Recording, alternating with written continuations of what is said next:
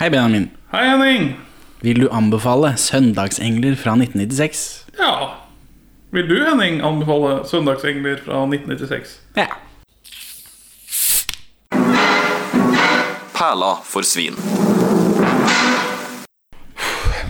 Velkommen til Perle for svin, podkasten for deg som har latt som du har vært på møte i De yngres forening.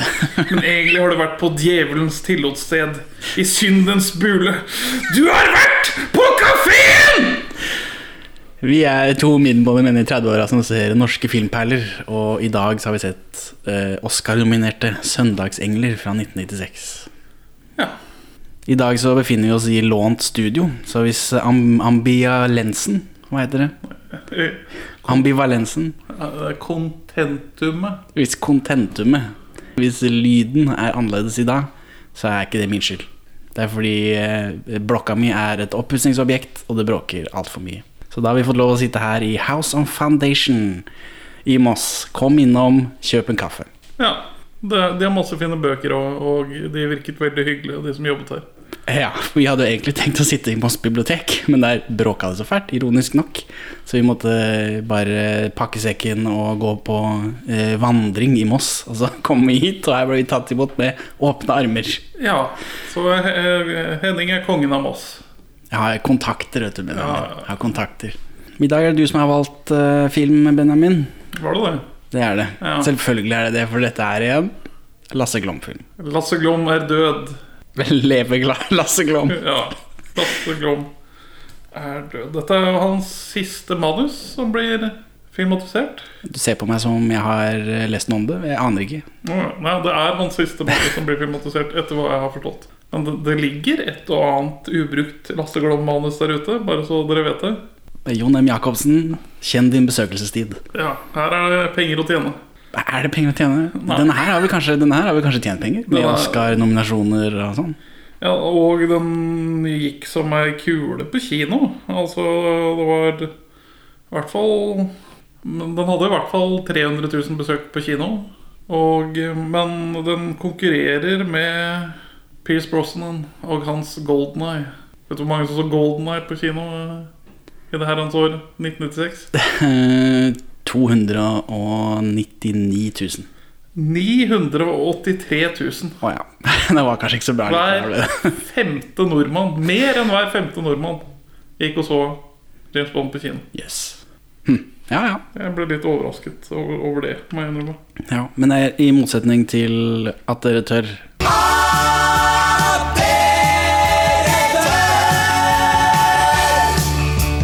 Og Sweetwater, så er det ikke Lasse Glom som regisserer.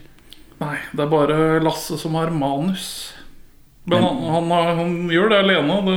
De, de tulla litt med det. De driver og tuller litt på internett at det er en- Berit Nesheim Ja. som regisserer, også har vært inne på manuset sitt. Ja, for det står det på filmen.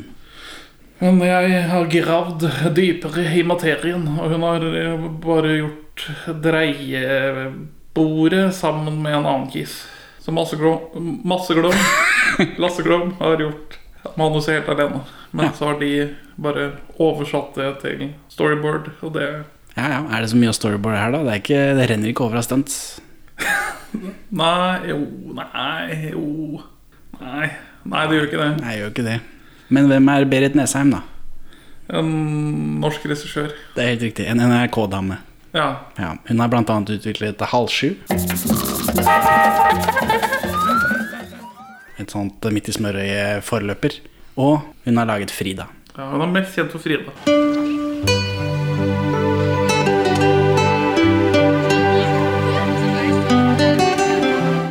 Jeg, jeg trodde bare det var én Frida. Ja. Nei, Frida er jo en sånn uh, serie inni Halv sju eller noe sånt. Nå, inni en av disse midt i smørøyet-forløperne. Og så kom filmen etterpå. Frida med hjertet i hånden. Som er Berit Nesheims regidebut. Ja, som òg fikk uh, strålende ovasjoner. Ja, nå har ikke jeg sett den ennå. Det er vel jobb for oss. Men uh, uh, bare på ryktet så føler jeg at det er litt det samme. At det er sånn, uh, kvi, sånn ung pike som finner seg selv. Ja. Men Lasse Glom, da. Jeg har hva, hva det, Hvordan var det jeg beskrev Lasse Glom? At han er Norges fremste tabubryter? Ja, det var noe sånt. Er Han lever jo opp til det her. ja, han lever jo opp til det eh, i sjokkerende grad. Ja, det er sjelden jeg liker eh, å si at du har rett, men det kan hende du har rett, faktisk. takk, takk. For um, film Ja, altså, filmen er jo overraskende hipp på deler av problematikken den tar opp. Ja For et visst segment av Sørlandet, kanskje. Jeg vet ikke om eh, Han brøt vel kanskje ikke så mange barrierer når han på, peker på eh, selvmotsigeligheter i religion. Det, det føler jeg at eh, det, det vet vi, selv om det kanskje ikke blir sagt så høyt ofte. Ja, men Har det blitt gjort på norsk på den måten her før? Ikke som jeg kom på i farta, nei. Nei, så det, det altså Jeg ser jo for meg at det er veldig opprørende for, for de som eh, protesterte mot Life of Brian, den gjengen der. Men hvor mange er det, da? Det ble nok en del klager til Kringkastingsrådet. ja, Men fra hva jeg Jeg har lest, jeg har lest litt Agder-aviser for å se hva de syns om dette. Dessverre er, er ikke Vårt Land tilgjengelig gjennom Nasjonalbibliotekets avisarkiv uten at du selv sitter i selve Nasjonalbiblioteket. Ha. Så Men der, der var det sånn derre Ja, denne filmen er fin. Eller denne filmen er veldig fin. Og den, det den sier, kunne den ha gjort uten å rakke ned på religion nå.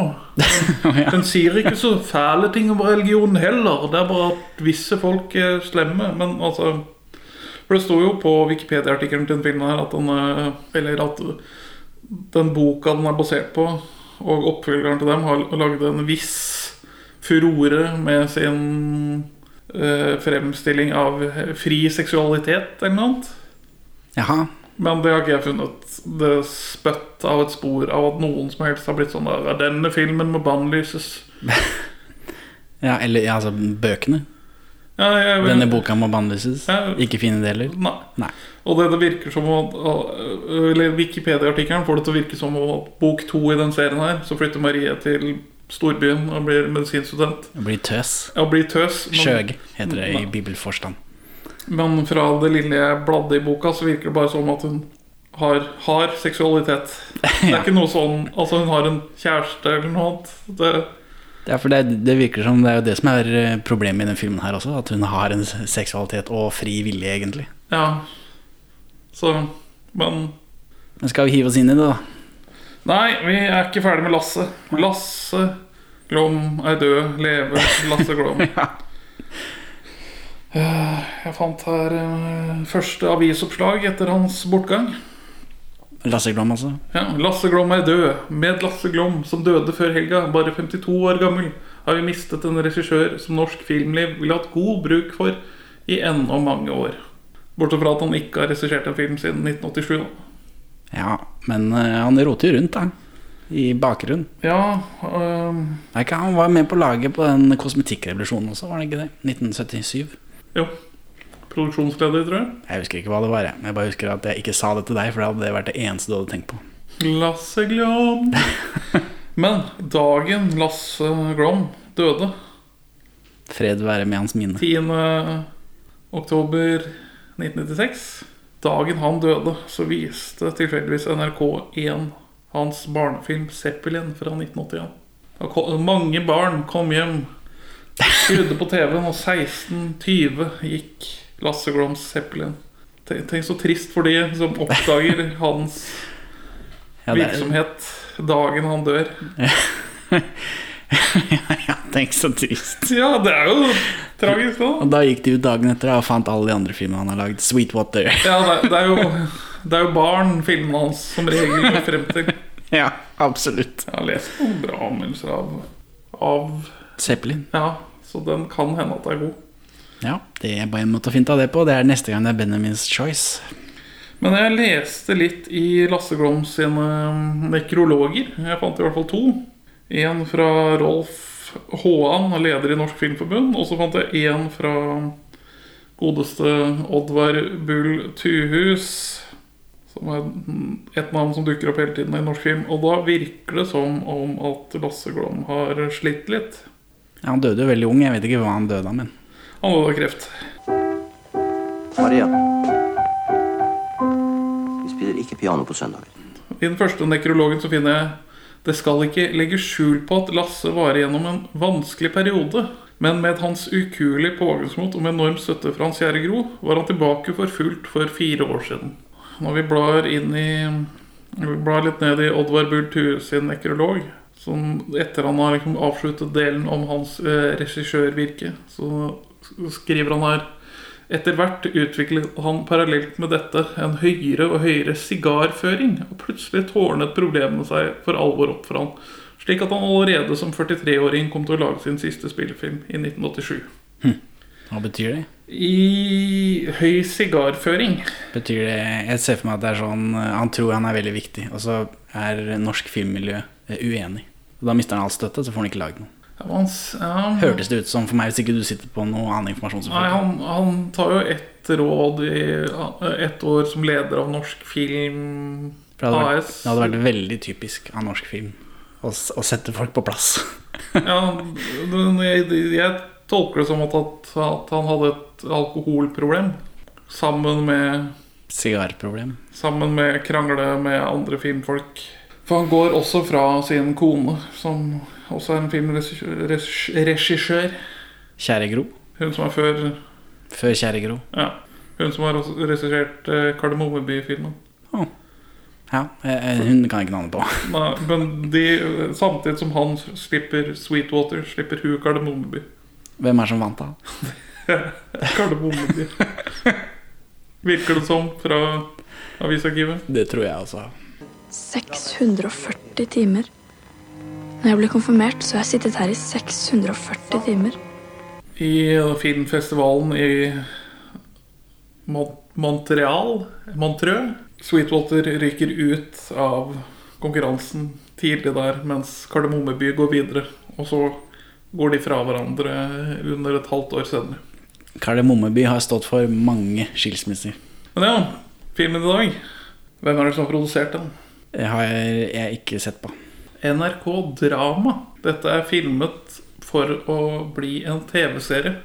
Og så har han innsett på veien at dette blir så bra at eh, dette kan bli film i stedet. Og så, har, de funnet ut at dette er for bra til å bli TV-film. Denne her skal på kino. Så dette er Norges første TV-film på kino. Og nå har NRK reist litt fra film, nei, hva heter det, TV-teatret. Radioteatret. Radio. Fjernsynsteatret. Ja, det, det, det har gått, gått litt vei fra fjernsynsteatret til dette. Selv om det ligner på mange måter. Men uh, Søndagsengler, filmen åpner med at Bjørn Sundquist hater piano på søndager. Ja, For han er en streng prest. det setter jo stemningen. Eller det er en lur ting å ha med i anslaget. Bjørn Sundquist. Ja, da lanserer man rammene for familielivet til denne lille familien.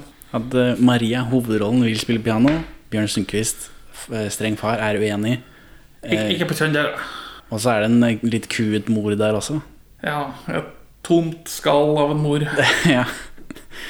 og, og Martin Garfalk er der. Ja, hvem er det igjen? Han ser jo veldig kjent ut. Norges Macaulay Culkin. Er det det han er?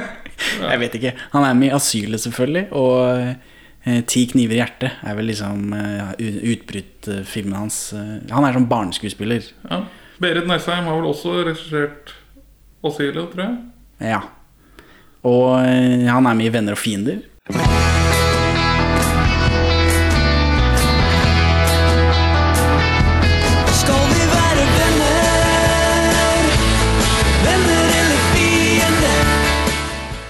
Flaut. Før han oppgraderer til HTC. Han, ja, jeg så han er mest kjent i rollen som Pelle i Hotell Cæsar. Jeg aner ikke. Men nå virker det som han er en eller annen salgssjef i ABC Startsiden. Startsiden. Ja. Så det går fremover. Han, han er først og fremst barneskuespiller, ungdomsskuespiller. Han ga seg vel i 20-årene. Det er vel sånn det ofte går med norske barneskuespillere. Jeg vet ikke, Ofte så er det bare one and done. Sånn som eh, Jeg vet ikke om hun eh, som spiller Maria her, har dukka opp i noe annet. Ja, hun eh, spiller i en film vi har sett før, faktisk. Eh, ja, det så jeg vel Salige er de som tørster. Og så var det én TV-ting, og så var det over ut. Men hun tar jo skrittet over i radiomediumet. Jaha. Så hun er stuntreporter i Kanal 24 i 2005.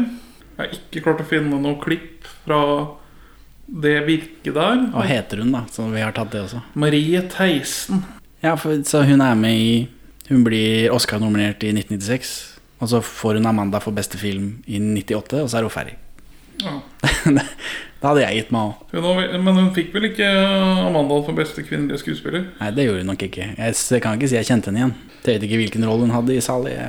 Sikkert et Jeg, lik. jeg, jeg, jeg husker heller ikke noe derfra. Ja, ja, ja. Men det er altså henne. Eh, Etter at vi har fått den introduksjonen hvor hun eh, spiller piano, eh, og det ikke er lov på søndager, så er vi i kirka. Ja. Pappa er prest. Bjørn Sundquist er prest. Altså her, Det er mye voiceover i begynnelsen for å sette oss inn i det indre livet til en eh, pubertal tenåringspike.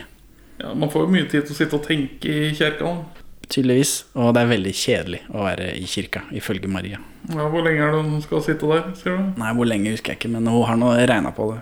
640 timer med kirketid før, før konfirmasjonen. Så hun liker ikke kirkekjerringene. Nei, det et, Moralpolitiet i denne lille byen. Ja. Det er eh, Hva, hva, hva heter det i dag? Sånn sosial kontroll eller noe? Ja. Negativ sosial kontroll. Det bedrives det i Ja, når, når er vi? Ifølge musikken så er vi på slutten av 50-tallet. Ja, 1959 mener jeg at det er. Ja, meste av musikken er derfra. Det ser jeg på colakorkene på flaskene der. Nei, jeg har lest det et eller annet sted. oh, ja. ja. Nei, jeg ser det på Det er eh, Put Your Head On My Shoulder dukker opp. Living Doll. Begge de to er fra 1959. Ja, bra musikken er rett på. Det er mye rock og mye klassisk her. Ja, for det er jo to forskjellige verdener, da, Benjamin. Er det det den, det, er den, det er? er den klassisk musikkverdenen til fru Tunheim. Og så er det denne rockeverdenen til disse røykeungdommene. Ja, ok. Ja, og så er det salmeverdenen, da, som jeg heller ikke knytter så veldig opp til klassisk musikk. For norske salmer er veldig døde. I Jesu navn går vi til bords og spise, drikke på ditt ord. Deg, Gud, til lære oss til gagn. Så får vi mat i Jesu navn. Amen. Eh, Det er, og så er det overraskende mye promping her, for nå, etter at vi har i, fått en introduksjon til kirka og kirkesamfunnet og menigheten, som Maria ikke liker noe særlig Vi får eh, noe drypp, noe hint om at det er et eller annet som mer Maria vil mer. Det beveger seg noe i henne. Hun vil ikke ende opp som disse kirkedamene. Hun stiller spørsmål ved religion. Så er det hjem til, eh, til middag, eh, og Bjørn Sundquist synger bordbønn, og Martin Garfalk promper. Og da må man gå fra bordet. Ja, det, er, det er ikke lov å prompe ved bordet, eller spesifikt ved den forbønnen. Jeg vet ikke. Jeg, jeg vet ikke. De sang veldig mange varianter av sånn Hva heter det? Sånn matbønn. Ja, og du som mente liten fugl. Ja, det det er den de tvang på oss i barnehagen, husker jeg. Ja. Og da blir det ikke noe mat på Martin. Nei, han må jo gå, da. Men lite visste jeg at dette var et gjennomgående tema. Ja, vi, Men vi får ikke vite så veldig mye om Garfalkens indre liv. Nei. Bortsett fra at det siver ting ut av det. Ja, Bortsett fra at han lekker en del. Eh, nei, det, når du sier at det egentlig skulle være en TV-serie, så tenkte da slo det meg med en gang at eh, For jeg syns eh, Norges Macaulay Culkin Jeg syns han, eh, han var så lite med. Ja, Jeg trodde han var større, men er det bare mitt inntrykk eh, som en sånn raring som har googla? Det føles som han mangler noen dialoglinjer han skulle hatt. Ja, for det eneste han gjør, er å eh, fise, og så er han litt redd for rock på et øyeblikk. Ja, Og det er det. Det men det er ikke det er, Og så støtter han søstera si. Han tyster ikke. Nei. Men det er jo Det er kanskje vi eh, middelmådige hvite menn som er for vant til å se eh, andre middelmådige hvite menn i hovedrollen. Ja, Kan hende. Hadde rollene vært snudd, at det var Garfalk som var eh, hovedrollen, og eh, Marie eh, Theisen som var den søskne som ikke har noe særlig rolle, så jeg tror jeg ikke jeg hadde reagert i det hele tatt. Nei. Men ja, systemisk Systemiske greier. Så da har jeg lært det om meg selv, da. Men denne filmen pa- passerer Bechdel-testen, da. Det gjør den faktisk. Kvinner snakker sammen om andre ting enn menn. Vi snakker en del om menn òg, men ikke alltid. Nei, vi snakker litt om kvinner. Ja. Som etter denne prompinga, så så er vi liksom inne på soverommet til Maria, og hun driver og leser de sexy delene av Bibelen. Ja, Så her begynner jeg å føle meg litt sånn uvel. Kong Salomons et eller annet. Salomos høysang. Salomons høysang. Ja. Ifølge denne filmen, nå er ikke jeg noen sånn bibelekspert, så er det det mest sexy delen av Bibelen. ja, det var ganske sexy òg. Det var jo beskrivelser av ja, kropp. Sensuell beskrivelse av kropp. Bare sånn, nei, jeg var ikke kjent på at det var sånn erotisk no- novelletendenser i Bibelen. Ditt skjød er som et rundt beger. Gidde aldri aldri må være uten vin. Dine bryster er som to rådyrkalver. Tvillinger av et rådyr.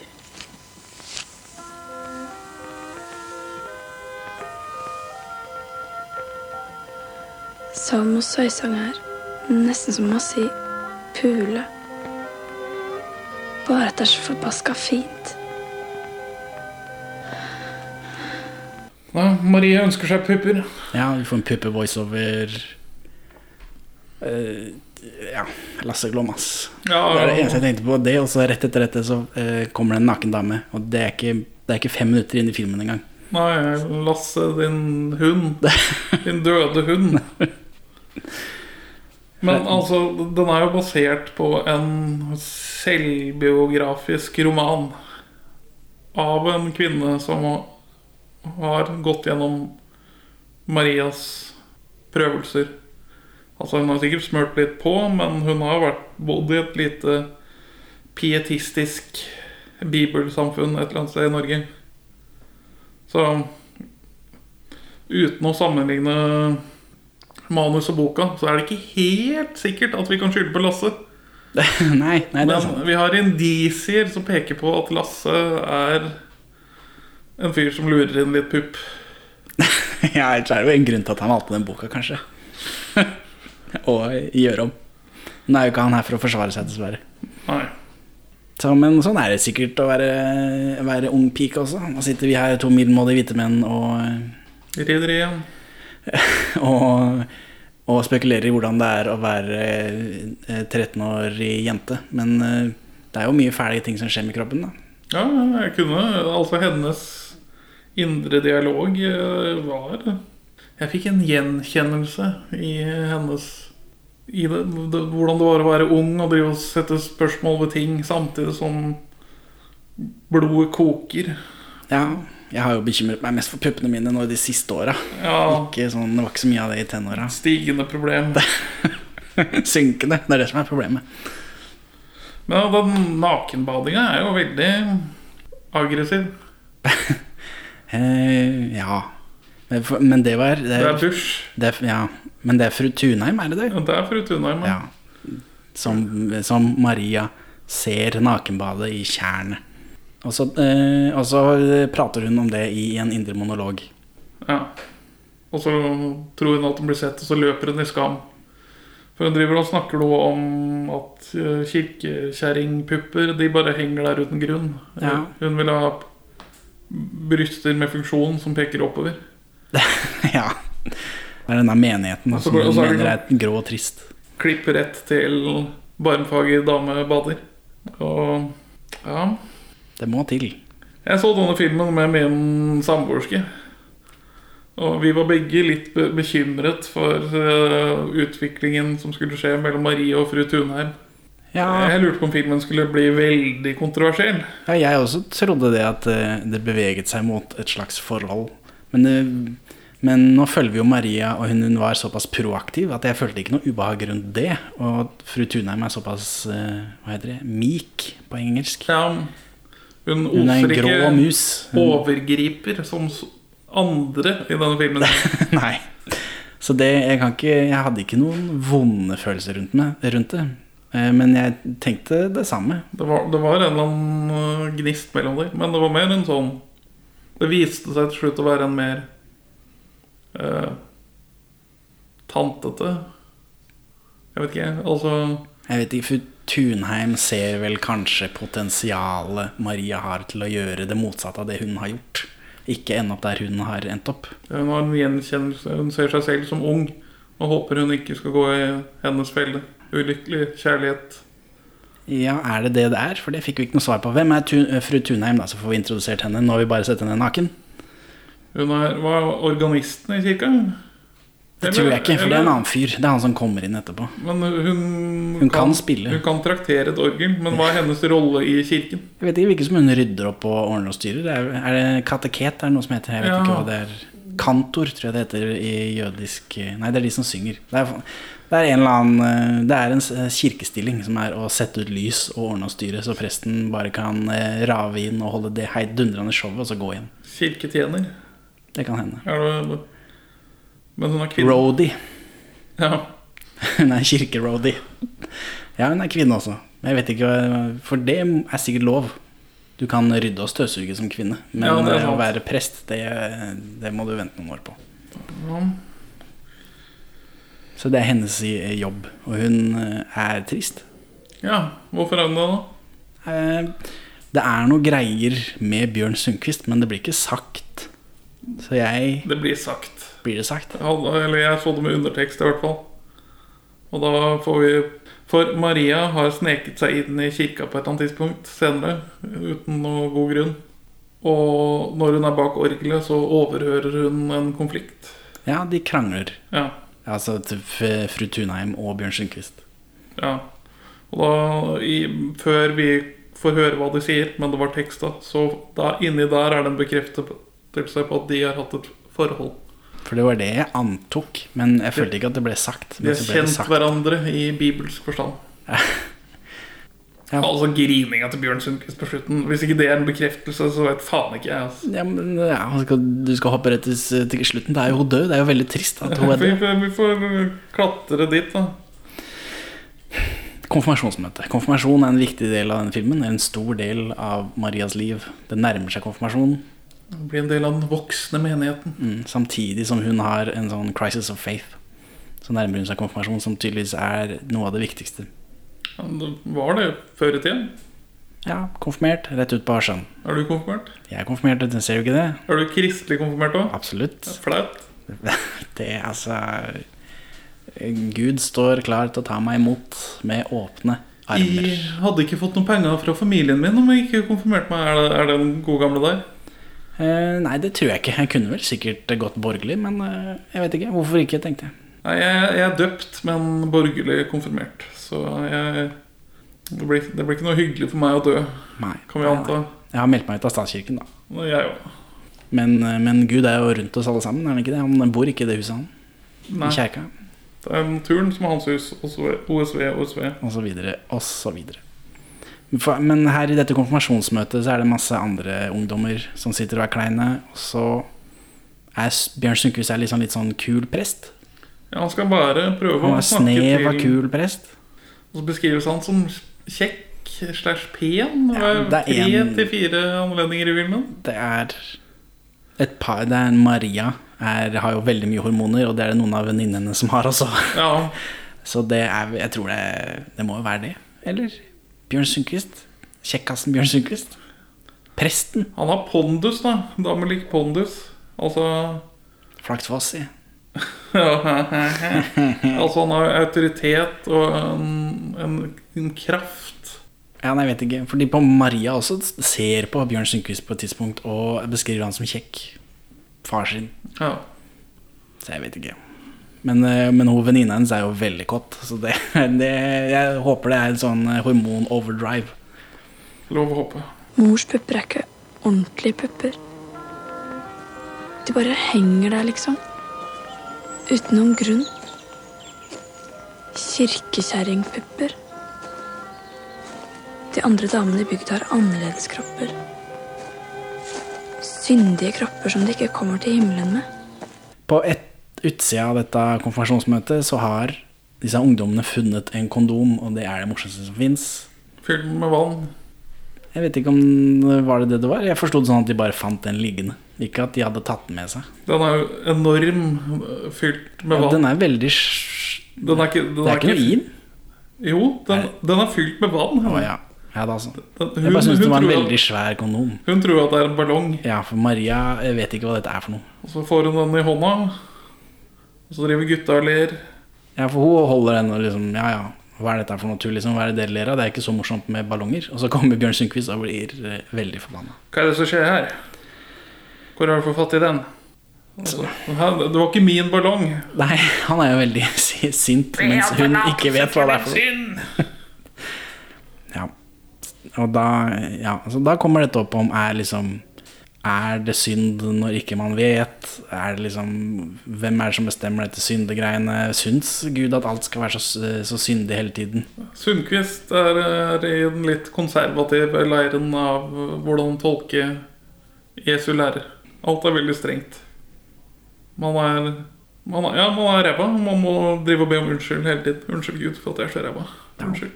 Men ja, Maria får jo vite av venninna si at eh, det, det var jo ikke en ballong, det var en, en gummi. En Durex. Durex.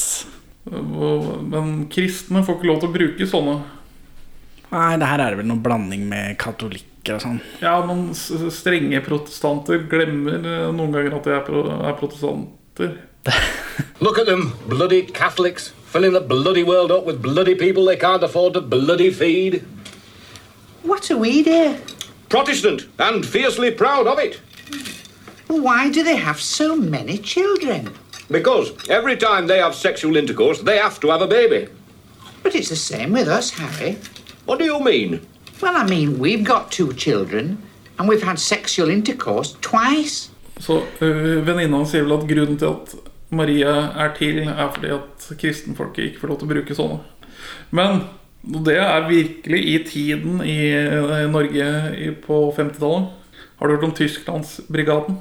Eh, Fortell, Benjamin. Det er jo etter eh, de allierte beseiret Tyskland, så stilte Norge med tropper til okkupasjonen av Tyskland. Så sendte vi ned en brigade rundt 10 000-15 000 mann for å holde tyskerne i skinnet. Passe på at de ikke fatt på det her igjen. For det trengs tydeligvis, har vi sett da. Ja, Ikke nå lenger, da. Nei, men dette er snakk om på 50-tallet. Da bestemte norsk hærledelse seg for at deler av oppakningen til disse soldatene var at det var kondomer. De tenkte oi, nå har det vært krig i verden i seks år. Og da var det noen som skjønte at oi, det kan være lurt å gi soldater kondomer. For ellers får de masse kjønnssykdommer og unger. Men når det ble offentlig kjent i Norge, så ble det en underskriftskampanje for å stoppe dette fra å skje. Så 480 000 mennesker signerte på at man ikke skulle sende kondomer med soldatene ned til Tyskland. Ja, ja, men det er de, det er de samme folka som er på filmen her, da. Ja, Bjørn Sundquist og gjengen. de, de, de, er, en, de er en gjeng. Det var ikke noen ballong. Det var en sånn gummi som guttene bruker for at de ikke skal få unger. Durex. Men det er mye banning her også. Fy farao er liksom det styggeste man kan si. Ja, Og pule, sier de mye. Tenk om jeg kunne si Tenk om jeg bare sier 'pule' ute i kirka her nå. Ja, det er, eh, hun har, Maria bærer på et ungdomsopprør, som Ja. er litt vanskelig å uttrykke i, eh, i disse strikse formene. Og her blir vi liksom eh, introdusert for kirketjener fru Tunheim. Og så er det litt sånn I den første samtalen her så tror jeg at Maria har et eller annet på G. At hun vil i buksa på fru Tunheim. Eh, Hun har vært øh, veldig opptatt av kvinnekroppen så langt. Og det er jo egentlig naturlig. oppsøker hun henne som hun så naken. Sånn, eh, men det er jo ikke det det er, da. Så det er kanskje det er bare jeg som filtrerer dette gjennom mitt mannlige synspunkt. Ja, At hun er nysgjerrig på hvordan det skal gå med hennes kropp, ikke nødvendigvis eh, at det er noe griseri. ja men Den avsluttes så med sånn øh, Så fint det er her. Og så er det sånn ja, Jeg har et eget rom i skogen. Og så er det litt sånn Å ja? Ja. Mellom det? Mellom, hæ? Men det går jo ikke den veien, da. Heldigvis. Eller helt ålreit. Skal skal jeg hjelpe deg på søndag? Om du har lyst. Og så bare sånn Hæ? What? Ja, men det var bare Men min samboer Hun følte også på det samme. Så det er ikke bare det mannlige perspektivet som Bra. tolket det slik. Flaks at hun var der. For du er samboer med en kvinne. Ja. Kjære Gud, La presten fise nå så hele menigheten hopper. Og så er det, da får vi Maria i BH. Hun eh, fyller på i BH-en sin med noe bomull og noe greier. Det er mer sånn kropps... eh, Det er vanskelig å være tenåring. Klassisk. Veldig mange jenter har opplevd det. Har de? Ja. Du sa det med en sånn autoritet, så jeg tenkte Jeg føler det er en det kjent sak at puberteten kommer litt forskjellig på. Ja. Og da begynner man å konkurrere i noe som man ikke burde konkurrere i. Altså, for hun stapper denne BH-en sin fordi hun skal på fest hos de kule ungdommene. Det skjer flere ganger at hun er med disse kule ungdommene. Men så er det, blir det ikke gjort klart hvordan Får hun lov av Bjørn Sundquist? Det virker ikke som hun sniker seg ut. På et tidspunkt her så kommer hun tilbake, og så må hun liksom lyve. Så da forstår jeg det sånn at hun har ikke lov til dette. Men, men det kommer jo nesten på slutten av filmen. Hun er jo ute to ganger uten at det forklares. Jeg trodde hun fikk lov. Jeg. Det er jo vanlig at folk får at ungdommer At man som voksen må slippe de ungdommene litt. Men Bjørn Sundquist virker ikke som en type som slipper ungdommen litt. Nei, nei, men uh, må huske at uh, når hun har vokst opp i dette strenge hjemmet, så har hun antakeligvis bare spilt på reglene når hun har vært et, barn. Og da opparbeidet seg tillit fra Sundquist, som ikke helt har medberegnet hva puberteten vil medbringe. Nei. Ja, Men det kom ikke så klart frem, da. Så jeg lurte så Først så trodde jeg at hun fikk lov til å være med på dette. Og det, nå når jeg ser, når jeg ser det som skjer, holdt jeg på å si, så, så, så ga ikke det noe mening for meg. At hun liksom fikk lov å gå på fest. Fordi Bjørn Sundquist virker ikke som en fyr som Ja, gir Den lov til å gå på fest. det, den, at hun får lov til å gå ut til før klokka ni, det, det skjønner jeg. Det, det har hun opparbeidet seg tillit nok til. Altså, Bjørn Sundquist klarer ikke å se langt nok til å skjønne at kanskje hun ikke går til De yngres forening lenger. Nei. Nei, for hun drar jo til eh, Det ser ut som et skur. Det virker som det et, eh, det er et skur hvor ungdommen henger, og de røyker og hører på vinyl og drikker øl. Og så er det veldig stiv dansing. Ja. Og så detter bomullen ut av BH-en hennes, men så er det ikke noe stress. Ja, for, hun var innpass via venninna si, fordi hun, hun er en del av gjengen. Ja, men jeg tror flere av disse er med på det konfirmasjonsgreiene. Om ikke alle sammen. For det er liksom viktig allikevel. Jeg også er konfirmert, som sagt. Selv om ikke jeg er noen sånn kristen type. Så det virker som hele dette samfunnet skal konfirmeres. Uansett om du drikker og røyker. Alle må konfirmeres på det tidspunktet her. Ja. Det Ja. sosiale presset er ganske sterkt. Så jeg tror det er samme gjengen, på en måte. Men ja, han, han kælen hennes Han er veldig sympatisk når du først Ja, for det er noe dansing og noe greier, og så blir Maria danse med en fyr som ikke får navnet på, eller noe som helst. Og så detter denne BH-en ut fordi de danser så stivt og rart. Eller den bomullen detter ut av BH-en. Og så plukker han det bare opp, og så, og så løper hun ut fordi hun er flau, og så kommer han ut og så sier Se her, vær så god, jeg skal ikke si noe. ja. Ja, Men kult. ja, hyggelig. Helt ålreit. Og så kommer det aldri opp igjen. Jeg vet ikke. Nei, han, ja, han vil jo på sikt ligge med henne. Om han vil. Men det kommer vi til. Men øh, ikke bry deg jeg sier ingenting, så er vi skuls for det med dongen. Altså, han, han Han føler skyld for det. ja. At han lot henne holde denne kondomen. Altså, jeg har en god monolog om kjærlighet og eh, giftermål. Altså, det, det er et spørsmål der til lovnaden om å elsker elske deg til døden skiller oss ad. Men altså, jeg elsker kjøttkaker i dag, men jeg kan ikke love at jeg gjør det til dagen jeg dør. Nei, Og det, hun har noen poenger. hun har det. Men så er det mer kirke og bonding, flørting med fru Tunheim da, på bakrommet der. Hvor de tar på seg ø øredobber og, Ja. later, og tar på seg leppestift, og liksom de fjonger seg opp litt. De, mm, de tøyer vel reglene da, for dette s- kirkesamfunnet. De har sitt egen, egen lukket sfære hvor de kan være de frie kvinnene de egentlig vil være hele tiden. Ja, i hvert fall prøve seg litt. Men øh, hva er det de bruker som uh, ersatsøredobber, da? Eh, eh, melkekapsler. Ja. Så filmen er veldig utdatert. Ja, for nå får vi ikke melk på glassflaske lenger. Nei. Men Folk samla på melkekapsler før i tida. da. Så det fins et bitte lite trist miljø. Som gjør det ennå. Ja. Ja, ja. Tenk om jeg skriker nå. Eller roper 'fy farao'. Tenk om jeg sa pule hjemme. Nei, nei, men jeg vil bare gå inn på vannet som symbol. Kjærligheten springer ut som en kilde. Er ikke det bra? spør Maria. Og etterpå snakker hun om fru Tunheim med at du må, du må gå til vannet og chille den der. Ja, for fru Tunheim finner frihet i vannet. Vi har jo sett henne bade allerede. Ja. Føl, få vannets ro. Gir vannet ro. Hæ? Gir vannet ro? Ja, vannet gir ro. Og død. Spoilers.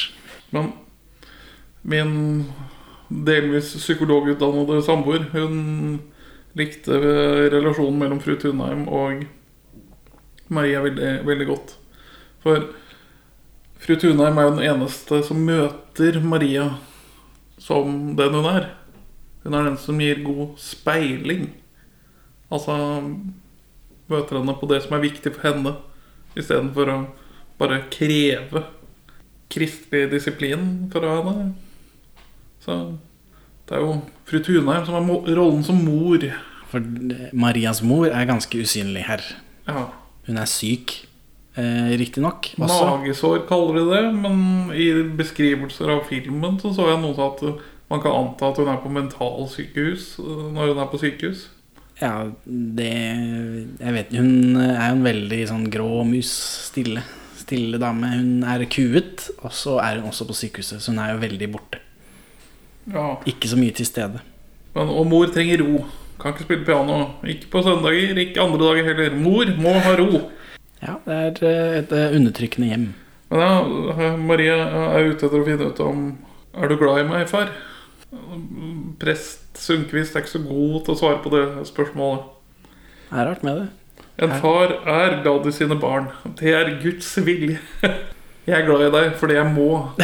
ja, ja, og da påpeker hun at da har du ikke fri vilje, da. Kan du ikke liksom velge det sjæl? Nå er du stridig. Barn skal ikke snakke tilbake til voksne. Og da Nå får tenåringsopprøret en liten pikk. Ja. Hun sier at hun ikke vil konfirmeres. Og det er bare tull, sier Sundquist. Dun, dun, dun. Det er klart du skal konfirmeres. Og Maria, etter, at hun har liksom, etter denne konfrontasjonen med sin far, så løper hun ut i skogen som et, en villmann. og så river hun av seg alle klærne og nakenbader, for hun skal da prøve å finne fred i vannet, hun òg, da. Tydeligvis. Hun tar til seg det fru Tunheim sier. Vannets ro, baby. Oh, yeah. Og mye fake slow-mo. Ja, Litt småripspupp i monitor. ja det blir Hun eh, er Skuespilleren er vel 17 år gammel, tror jeg. Ja, Så du, det det, du får 17 år gammel rumpe og pupp. Men det er mer schwung over det enn i Sweetwater. Han er ikke så grisete. Nei, dette er ikke like eh, utnyttende, i hvert fall. Nei, det, det føles bedre. Ja. Føles mindre ja, exploitative. Det er ikke, det er ikke helt umotivert. Nei, nei. Det er det. Umot- det. Motivasjonen er på plass. Det er det. Hun prøver å finne ro i kaoset på et vis. Men det står her i mine notater Er det Lasse Glom som har manus, eller? Ja, men altså Det er veldig mye nakenhet i norsk film generelt. Så vi kan ikke legge alt på Og her er det gjort ordentlig, så da vil jeg ikke legge det på, på Lasse Glom, faktisk. Fader vår, du som er i himmelen.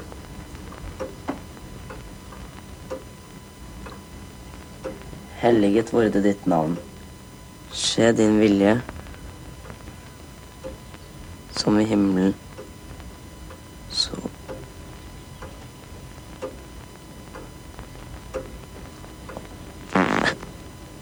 På jorden. Og så er det, kommer mor på sykehuset, ja, og så er det enda en sekvens hvor Martin Garfa fiser ved bordet. ja, nå er jo mor ikke til stede, og da blir Sunkis blir sinna. Og så begynner Maria, da, e- etter at han har jaga Martin Garfalk fordi han fiser, begynner Maria å snakke om at Jesus også fiser. Ja. Guds sønn var også menneske. Ja, fiser, han driter, og det er liksom Hun er veldig stygg i munnen, men hun har jo et godt poeng, da. Det virker ikke som eh, Sundquist eh, klarer å ta det til seg. Se kritikken. Nei, og de hadde ikke dopapir. Hun gjør et poeng ut av at eh, Jesus måtte ydmyke seg selv med blad. ja. Men i romertiden var det ganske vanlig å bruke stein til å tørke seg med. Så jeg vet ikke Jeg, jeg tror heller Jesus brukte sånne skrapesteiner, og ikke, ikke blader. Ja, Så du mener Maria var på bærtur? Altså Når Jesus kommer ridende inn, og de folk vifter med de palmebladene, så er ikke det dopapir. Det, Nei, kom og tørk, Jesus! Kom og tørk! Jesus feis, han også. Hva? Jesus måtte fise, han òg.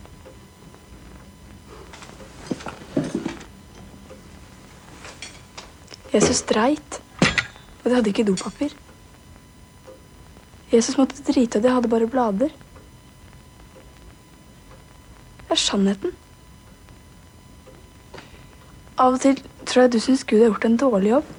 Jeg føler meg ikke syndig. Jeg er helt fornøyd. Men det er ikke rart Martin Garfalk ikke gjør et like stort opprør som Maria, fordi han har jo så lite mat i kroppen. ja, Mener at han er svak. Han får jo ikke spise. De, nå har vi sett de prøve å spise to ganger, og han, eh, han blir kasta ut hver gang før han får mat. Aldri middag på han gutten her. Nei, Han bare fiser og fiser. Hva er det han fiser av? Han spiser jo ingenting. All cellulosen han prøver å spise for å liksom gjøre opp for næringstapet. Det kan, kan hende. Men eh, får det er også snakk Eller Maria har en voiceover om at hun ikke føler seg syndig. At hun er egentlig fornøyd. At alt Hvorfor har Gud skapt oss med evnen til å synde? Eh, Og hun Selv om hun har evnen og synder stadig, sikkert i, i tanker og ja, Det skal ikke så mye til for å synde i hjemmet til Bjørn Sundquist. Så er hun egentlig fornøyd. Og det er jo godt gjort av en klein tenåring med rare følelser. Å tenke det. ja Og da blir hun kastet. Men hun stiller gode spørsmål på den strenge bibeltolkningen. Ja. Altså, Er ikke vi skapt i Guds bilde? Har Gud gjort en dårlig jobb, siden vi synder hele tida og må si unnskyld? Be om tilgivelse for alt? For absolutt alt. Men så senere på kvelden så kommer Bjørn Sundquist inn eh, til Maria som har lagt seg, og ber om unnskyldning. Og det er ikke så verst. Han sier han blir, han blir for fort sint og har temperament. Og han har, noen, han har jo unnskyldninger, men det er jo det nærmeste vi kommer en unnskyldning fra en streng far. Ja. Men hun er ikke noe imøtekommende på det. da. Nei. Hun later som at hun sover. Ja, eller hun uh, gir ikke noe respons. Og når han går uh, veldig sånn avvist og en knukket mann, så smiler hun av skadefryd i mørket der. Men så er det dramatisk, utdatert musikk. Filmmareritt har jeg skrevet der. Hun vrir seg, Maria sover, hun vrir seg, hun gisper nei. Hun, hun våkner med et rykk og setter seg opp i senga, sånn som de bare gjør på film. Og så løper hun ut i skogen og skriker. Og så tenker jeg, hvor kommer dette fra? Hun var jo fornøyd. Hun sa akkurat fortalt om hvor fornøyd hun var. Ikke noe. Hun hadde vel en syndig sexdrøm eller noe. Og Det får vi jo ikke vite hva det er hun drømmer av. Men eh, og det her så eh, går jo til kirka, da, og så overhører hun fru Tunheim som griner til Bjørn Sundquist. Ja. Men hvor er herr Tunheim? det er ikke noe herr Tunheim. Hvorfor heter hun fru, da? Hun er jo enke, da. Ja, men hvordan er det nå? Fru Er det frøken når man er ugift? Det stemmer. Ja. ja, men ja, hun kan være enkefru, og så bare dropper man enken. Kan hende. Blir ikke nevnt, i hvert fall. Men ja, her er teksten øh, på det som sies veldig lavt. Jenny, hva du ber av meg, du må forstå. Og så hører vi ikke Ikke gå, Johannes. Ja, men det er ikke sånn eh, Det er tydelig Jenny, jeg orker, ikke, jeg orker ikke å ligge med deg mer, Jenny. Det er ikke sånn Det må det være så ja, Altså, alludasjon, Henning. Ja, nei, jeg, Det går jeg skjønte det, men jeg fikk det ikke i klartekst. Det går an å fylle inn de manglende brikkene for å danne seg et bilde. Lasse Glom er uenig. Eh, men etter dette så blir Maria med denne røykungdomsgjengen på hytta. Og så sitter alle og er kleine til kul musikk, og det kjente jeg meg igjen i. Ja, sånn, Nå er vi her med det motsatte kjønn. Hva skal vi gjøre? Vi sitter helt stille ved siden av hverandre. Og så begynner folk eh, bare å gå til hvert sitt rom og pule. Det kjente jeg meg ikke igjen i. Nei, det, dette det her hvor, Og jentene tar initiativ. Hva er dette for noe? Det er mye blåfilter. Mye blåfilter i denne filmen her.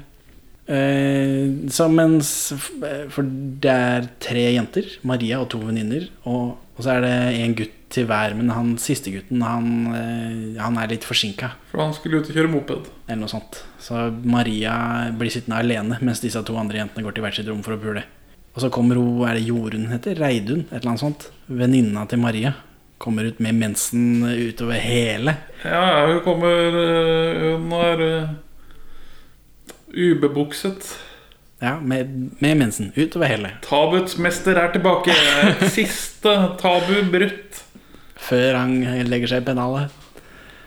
Da, men da får hun venninna få låne trusa til, eh, til Maria. Det, trusedeling er jo norsk filmtradisjon. Ja, er det det? Ja, Elling. Og norsk Oscar-filmtradisjon, er det det som må til for å få en Oscar-nominert film Ja, i Norge? må- Noen må dele truse. Ta Ta min, den er ny i dag. Fy faen, du er grei. ja. Men ja, dette Dette føltes veldig ekte. Ja. Dette, dette tror jeg jenter har opplevd seg imellom. Ja, det kan nok, det, det kan nok stemme. Altså, men her, og her stiller jeg et spørsmål med dette om Maria fikk lov til å være med på hytteovernatting. Liksom. Ja, Hvor det- er den hytta? Hytte for meg er langt unna, men det virker ikke som det er så veldig langt unna. Det Kan være en sånn turhytte. Tydeligvis. Men Maria ber flere ganger til Gud i filmen, selv etter at hun har forsaket han. Kjære Gud, bla, bla, bla, bla. Men her, når hun er ute og heter ved etter mens jentene er og pøker, så ber hun Kjære Stella Polaris, la han komme og legge en arm rundt meg, sånn at jeg brenner. Da, det turte hun ikke å be Gud om, så hun har fortsatt litt i hans klamme neve. Ja. Men så kommer han fyren som har vært ute og kjørt moped. Og da er det noe, det er noe klining, og det virker som det er greit. Ja, hun blir Hun oser av lykke når hun sier hei når han endelig kommer. De, de andre er der inne. Å, å ja. Og så skal hun få en suvenir i form av et sugemerke og et par-tre jokk på låret. Ja Han er ikke, han er ikke suave, fyren her. For han, etter dette så kommer han med en Altså, det er fint at han spør rett ut, men det er ikke på den mest Altså, han har ikke vonde intensjoner. Nei, faen, det sier han også. Jeg skal ikke gjøre deg noe, men kan ikke jeg få se på puppene dine? Så eh, det er bra å be om samtykke Ja, men øh, kanskje vente litt. etter jokkinga, tenker du på. Ja, ikke vær så aggressiv. La Han følte øyeblikket, da. Han bare lot seg rive med. Ja. Men uh, hvordan reagerer Maria på dette, da? Nei, hun uh, pakker Ludvigsekken og går. Ja, hun rømmer til skogs. Løper med sånn Adams Family-orgelmusikk gjennom skogen med blåfilter. Det ble veldig mye for meg. De snakker en del om Bach her. Er kanskje det er noe sånn drama-Bach. Niende symfoni på orgel. Jeg vet ikke, for, det, det, for dette er jo den Det er jo sånn uh, stereotypisk skummel orgelmusikk. Det er den ene låta som du tenker på nå.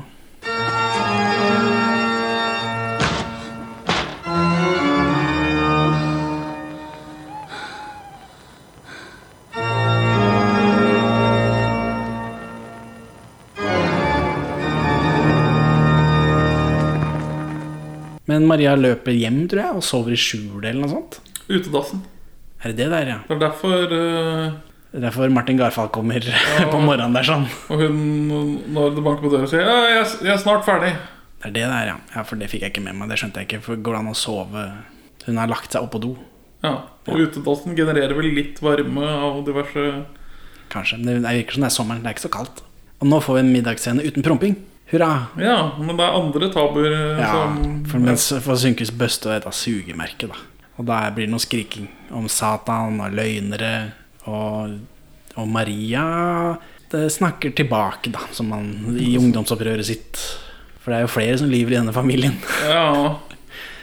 Det er djevelen som skaper løgnere. Du får ikke lov til å ta han inn her. Slap! ja, Synkvist slår Maria. Jeg tror Maria slår tilbake også. Uh, Eller er det senere? Nei, øh, ja, det er nok senere. Men hun spør jo om at uh, løgnere Det er kanskje større løgnere i huset, og da får hun et slap til. Og så begynner han bare å be. Det, nei, hun begynner å be. Ja. Og så blir hun slappa igjen, ja. og så går han. Og så får hun noe sånn gladklassisk bare sånn, Er det fordi hun har klart å stå opp mot faren sin?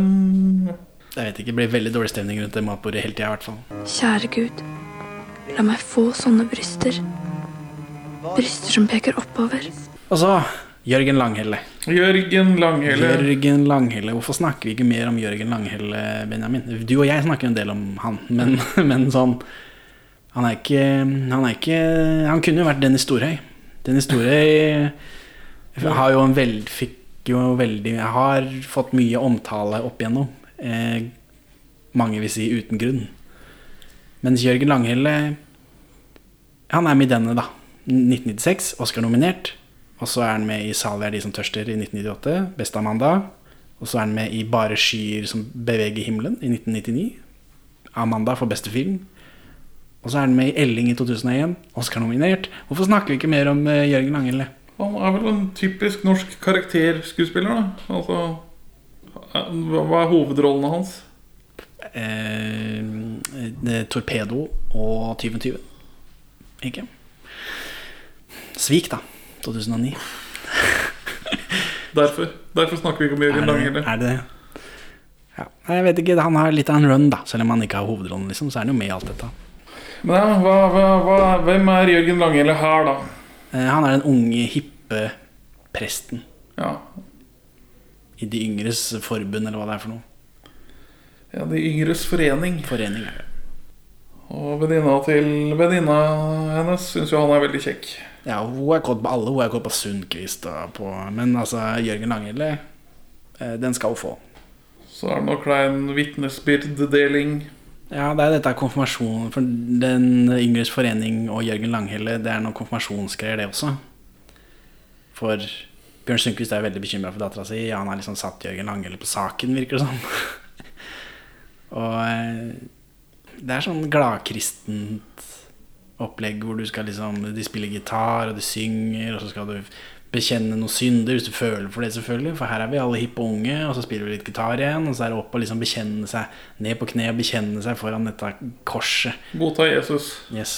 Ta Jesus inn i ditt hjerte. Og det er egentlig veldig ubehagelig for oss eh, som Det virker veldig kjedelig. Og den kassegitarmusikken. Og.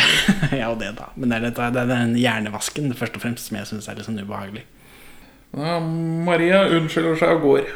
Ja, for hun Hun er vel lei. Hun ser vel igjennom dette. Ja. Har begynt å se igjennom dette. er vel litt av poenget med filmen. Så hun stikker av, og så er det inne hos fru Tunheim i dette kirkerommet igjen. Nei, nei, nå hun drar på Hun går inn på rockekafeen nå. Er det nå? Det er nå. Ja, stemmer. Men uh, først, først får hun et frampek. Et ladd frampek.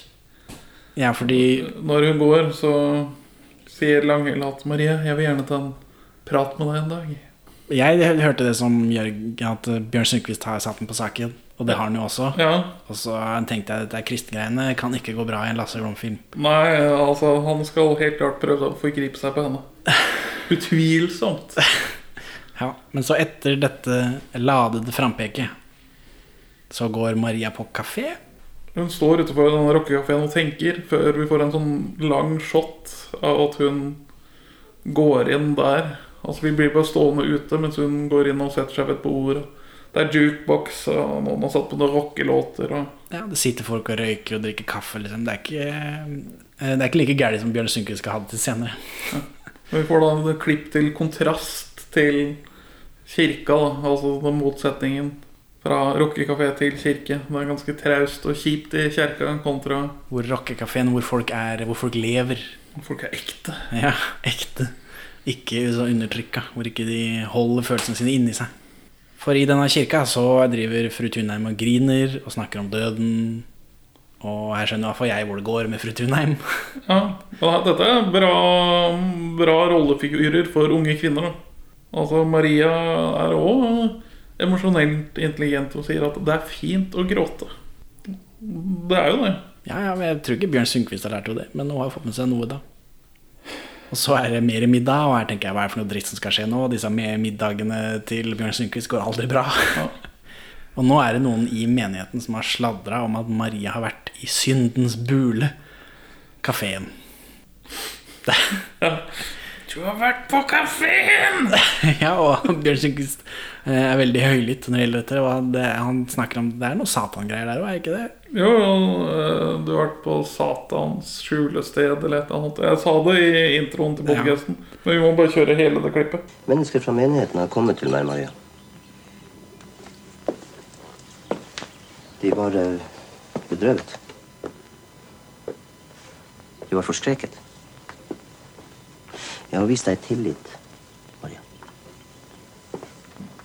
Men Ja, du har løyet for meg. Du har latt som du har vært i Yngres forening. I stedet for så har du vært på et djevelens tilholdssted. Du har vært i en syndens bule, Maria. Du har vært på kafeen!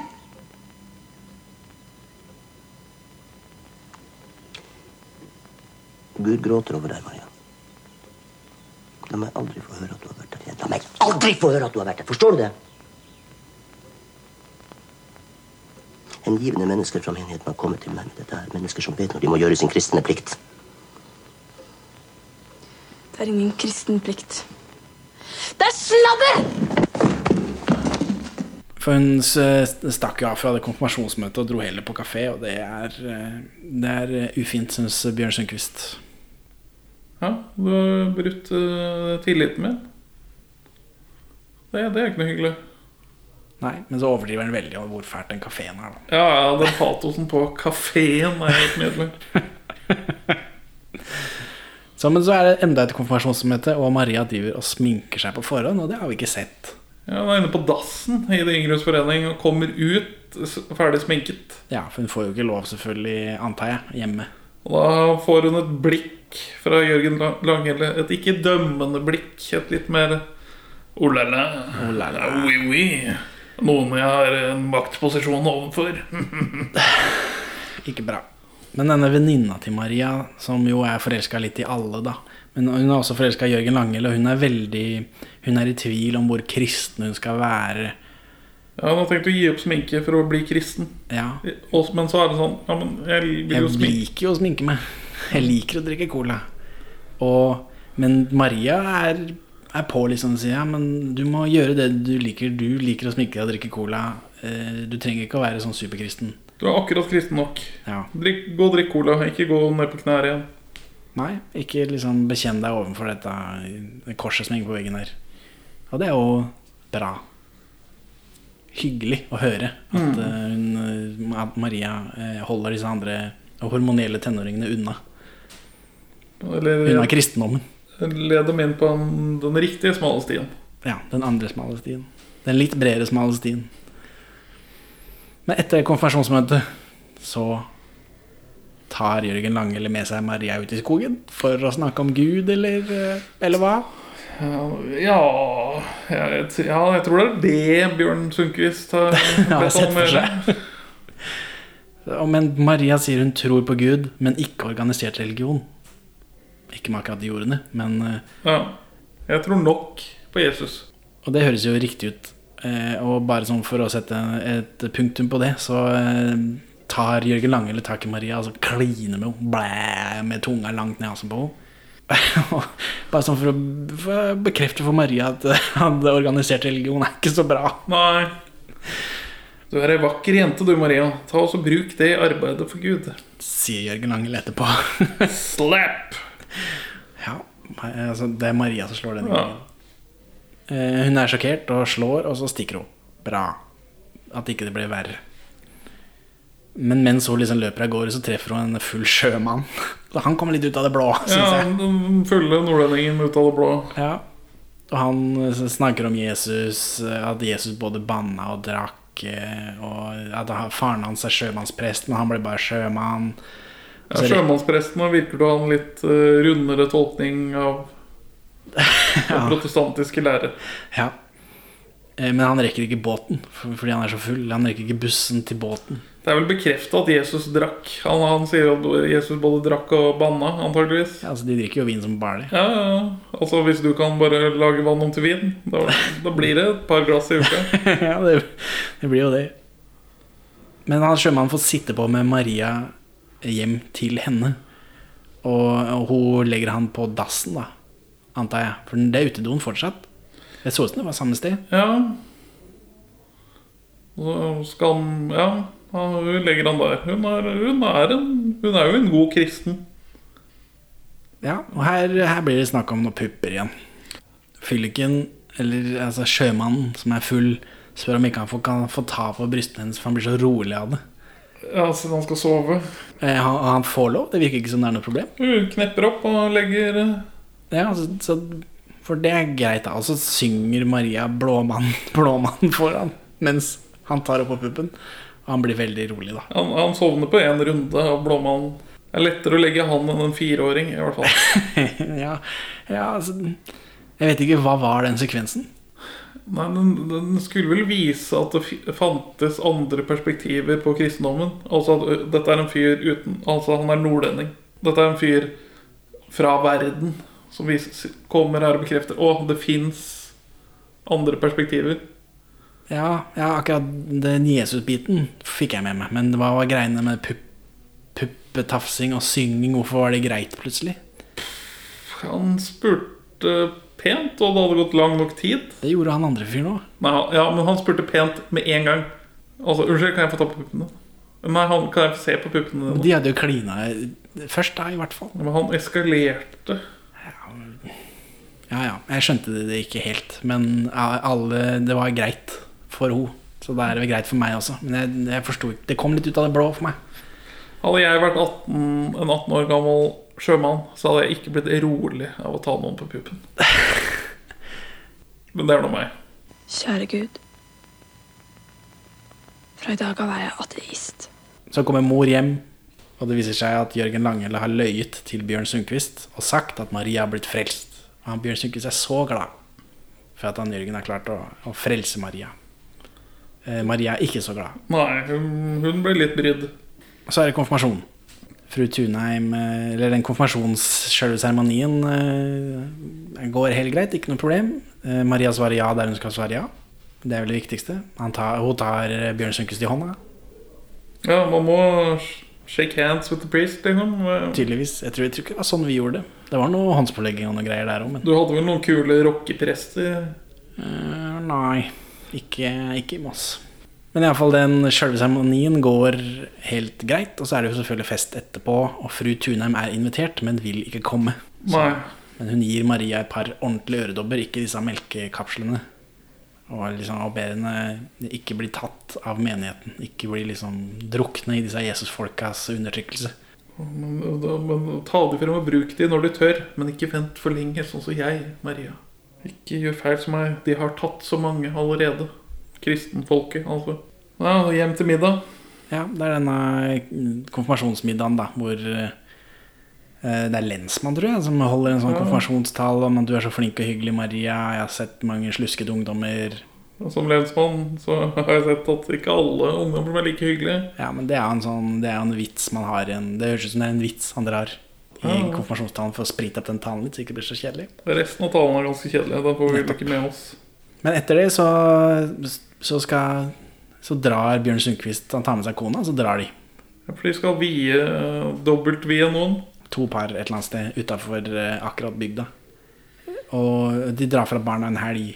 Er det innafor? Ja, når, det, når man har to såpass store barn, så er det innafor.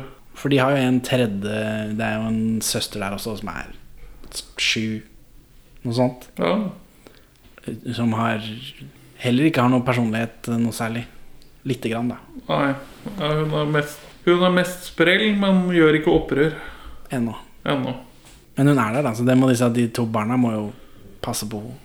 Men i løpet, av, i, natt, i løpet av natta så våkner Maria av noe bjeffing. Og det er eh, Martin Garfalk eh, Olav, som karakteren heter. Han er nede og titter ut av vinduet allerede. Det er et eller annet som foregår, og så får vi ikke noe greie på hva det egentlig er som foregår. Eh, Men Olav er redd for rock. For de snakker litt om det mens de står der nede allikevel. Og Maria setter på radioen, hører på Speedy Gonzales. Det fra 1961, så her er vi faktisk. Ai, ai, ai, Her-. Dette er en bommert. Eh, Jeg vet ikke hva slags radio er det de hører på. Er det Radio Luxembourg? Det må jo være det. Ja, jeg vet ikke. Det er vel ikke noen andre rockeradioer man Kan ikke tenke meg at eh, NRK sender rockeradio midt på natta. Men dagen etter så er fru Tunheim borte. Wah, wah, wah. Hva kan ha skjedd Hadde jeg fått fri på skolen pga. det? Tydeligvis. Jeg vet ikke om hun er lærer, kanskje. Jeg vet ikke. Kan hende at alle eh, voksne i bygda er med på leteaksjonen. det kan hende. Mens Maria har litt sånn peiling på Hun har litt føling. Hun vet like godt som meg, som sitter og ser på, at eh, fru Tunheim har hoppa i elva. Ja, men vi får også den tydeligste dramasymbolet som finnes i film. At når du får en beskjed, så mister du tallerkenen din i gulvet. ja. Det kommer man ikke unna. Nei. Så Ja, ja, men ja, den følinga til Maria her, ja. Lensmannen ringer for å høre når presten sist så henne. Da sier Maria at uh, hun tror hun er der uh, elven renner forbi kirken. Hvorfor tror du det? Fordi jeg kjente henne. Oh yeah. Kjenner, mener du vel. Kjente. Adjø. Mm. Ja, det er beinharde greier. Så Vann, vann som symbol. Ja. mer- Elva som flyter forbi. Mer vann Jeg tror ikke de bekrefter De, de drar ikke opp fru Tunheim. Vi får ikke se at hun blir dratt opp, men hun er jo død, da. Og så tar Maria tar på seg disse øredobbene for å liksom hedre henne, eller noe sånt noe. Mens eh, Bjørn Sundquist sitter og filmgråter litt, for nå har han kommet hjem. For dette er jo dagen etterpå. Ja, hun, ja, for hun setter i øredobbene, ser seg i speilet, går ut med tårer i øynene. Hun ser sin far som ser opp på henne, og han ser, han ser tynget ut. Han filmgråter ikke ennå. Han holder lokk på sine følelser inntil videre. Men det er først når hun sier eh, at du var glad i henne, du også. Det er da han begynner å tute, mens mora sitter og er et tomt skall bak han. Så Maria går til pianoet, og vi ser at Sundquist sliter. Og så spiller hun noe Bach, tror jeg. Ja, for det har de snakka om, hun og fru Tunheim. Og da, da tror jeg det er en av eh, klassikerne til eh, fru Tunheim. Hun har gitt seg til fru nei. Og da bikker Sundquist over og gråter ordentlig. For meg, stakkars. Og så klipper vi til vannet som flyter forbi igjen. Skal pule din mor så du blir far til din egen bror. Det er tidligere blitt nevnt at eh, den konfirmasjonsseremonien er bare halve konfirmasjonen. Etter det så må du gå altergang, må motta Det er jo nattverd, kan jeg tenke meg. Ja. ja, for det er vel liksom Det er ikke noe barn deltar i, tror jeg. Det er liksom symbolet for å være med i en voksne menighet. Det virker sånn her i hvert fall. Jeg tror ikke det var sånn da jeg konfirmerte meg. Men Nei, eh, ting har kanskje gått er- fremover på de siste 50 åra. Har vel forsvunnet litt ut av den protestantiske kirken etter hvert. Nei, jeg husker vi drev med det. Men det var i opp For når vi skulle konfirmere oss, så måtte du være med på så og så mange gudstjenester først. Og da var det kjeks og, og veldig vond eh, saft. Jeg elsker kjøttkaker. Men jeg kan ikke love Gud at jeg vil gjøre det resten av livet. Tilbake til denne gudstjenesten, hvor Maria skal gå altergang og fullføre dette og bli en del av menigheten som hun eh, ikke Den voksne menigheten. Den voksne menigheten som hun syns er utrolig trist. Så eh, Bjørn Sundquist står oppå der, da, synger og ordner og styrer, vifter med armene, gjør sånn som prester gjør. Og så kommer disse ungdommene opp, men Maria gjør ikke det. Hun blir sittende. Hun vil ikke bli med i menigheten, hun nekter å gå denne altergangen. Hun går heller ut og ned til vannet. Og ofrer til fru Tune? Eller hva er det hun gjør for noe? Hun tar disse melkekapslene og så sender de ut på vannet. Det er en symbolhandling av noe slag. da Og så, og så skriver hun noe i berget med kritt. Fred over din mine. Ja, og så sier hun mine, og så tenker hun litt på det, og så syns hun at det er bra. At det, synes det er eh, min- Mine som i smil. Er det, jeg kommer til å savne smilet ditt, liksom. Vet ikke. Etter dette så går eh, Maria i slow motion mot kamera. Hvordan, Hva syns du om denne slow motion, Benjamin? Du som har en del meninger om slow motion. Ja, altså Dette er jo falsk slow motion. Man har ikke gjort endringer på kamera. Man har funnet ut først på klipperommet at jo, her hadde det vært virkningsfullt med slow-mo. Så da får man en sånn stakkato, hakkete drittbilde. Ja, men Ja, men det det- å føle som det er gjort med vilje For de har lagt inn sånn at nå går vi i slow motion sakte, og så plutselig går det, så hopper vi litt frem i tid, hvor hun fortsatt går i slow motion, men hun er nærmere kamera. Jeg vet ikke, Det virker som det er gjort med vilje. Ja, da, men, Men det kan hende de har eh, funnet at å shit, vi må gjøre et eller annet så det ser ut som vi har gjort det med vilje. For jeg har jo som kjent en drikkelek. At hver gang man, der man ser en film og det brukes falsk slow motion, så må man drikke en halv liter vodka. en halvliter. Ja. Ja, så du ble full på slutten her, da. Mykket. Ja, for det, det er også falsk slow-mo i badesekvensene. Ja, det var litt på Så forhånd. halvannen liter vodka Ja. går med til den filmen her. Så filmen slutter på en freeze frame. Film slutt. Jeg skal ikke gjøre det nå, men krefter på brystene dine.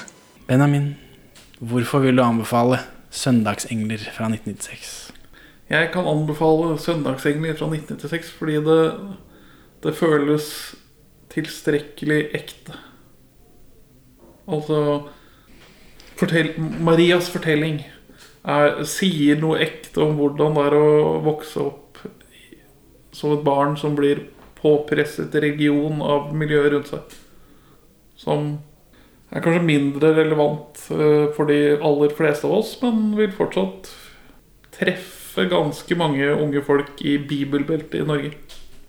Ja, så er det greit å ha den advarselen. da Pass deg for eh, kristenfolket. Ja. Og så ja, og så er det jo er det jo en sånn søt liten, liten sånn tidskapsel til når rocken kom til Norge. Dette er jo virkelig den spede begynnelsen på rock i Norge. Jeg vet ikke. Ja, men Det er ikke det filmen handler om, da, men det er jo bakgrunnen der. Ja. Ja, det, det- blir jo Ikke se den hvis du vil se en rockefilm. Nei. Var det det jeg skulle, tenkte jeg skulle advare om? Altså, den filmen kjentes akkurat like lang ut som den var. Ikke som den var til ni timer. Ja. Og det Applaus til eh, Berit Nesheim og Lasse Glom. Fred være hans minne. Så Henning, hvorfor vil du anbefale denne filmen? Eh, Det blir mye det samme. da Dette, Det virker som det er en film som vil noe, som har noe å si. Og den får det frem. Og for, og så for en gangs skyld en Så er, har vi sett en norsk film som er ubehagelig med vilje, på de stedene den vil være ubehagelig. Eh, Ja, nei, det er egentlig det. Det er mest det at den har et tydelig budskap som den får frem. Og så er det vinkla fra eh, pubertal tenåringsjente, som også er Som var utenom det vanlige. Mer interessant å se enn nok en film fra middel- middelmådige menns eh, utgangspunkt. En siste ting. Det er en Olsenbanden-connection her. Ja vel, Jørgen Langhelle er vel med i Olsenmann junior julekalenderen, hvis jeg husker riktig. Nei, den er enda bedre. Kjør på. De tre mennene i komiteen som velger Norges bidrag til Eller det, det norske forslaget for beste norske film til Oscarene. Knut Bovim var en av de som valgte denne filmen. Aha. Ja, ja, Olsmann-regissør. Eh, og det eh, Nå er det jo dette, Denne skal jo komme på nyttårsaften, tror jeg. Så godt nyttår. Og neste uke så begynner vi på Olsmann. Perfekt. Perfekt. Ha det bra, Benjamin. Ha det bra, Henning. Takk for at du hører på Perler for svin. Du finner oss først og fremst på perleforsvin.no, men også på Twitter under perler-for-svin, Facebook som perleforsvinpod, eller du kan maile oss på perleforsvinpod at gmail.com. Gi oss gjerne en eh, rating i din lokale podcast-avspiller, og, og legg igjen en beskrivelse, så folk skjønner hva det er for noe tull vi egentlig driver med. Her er ukas Pål Bang-Hansen-sitat ute av kontekst. Clint Eastwood han gir ikke oss noe intervju, men han har i hvert fall holdt pressekonferanse. Vi har pult, og jeg har mensen. Og så skriver han her Etter hvert Ned med paden. Etter hvert Begynn på nytt. Tror ikke han merka noe. Faen, egentlig. Fy fara. Men for da finner jeg i den første Ned nekrologen med paden. Trusa mi er full av blod. Du kan ta min. Den er ny i dag. Hvis du ikke snakker med den foran, så blir det veldig bra. Fy faen, du er grei.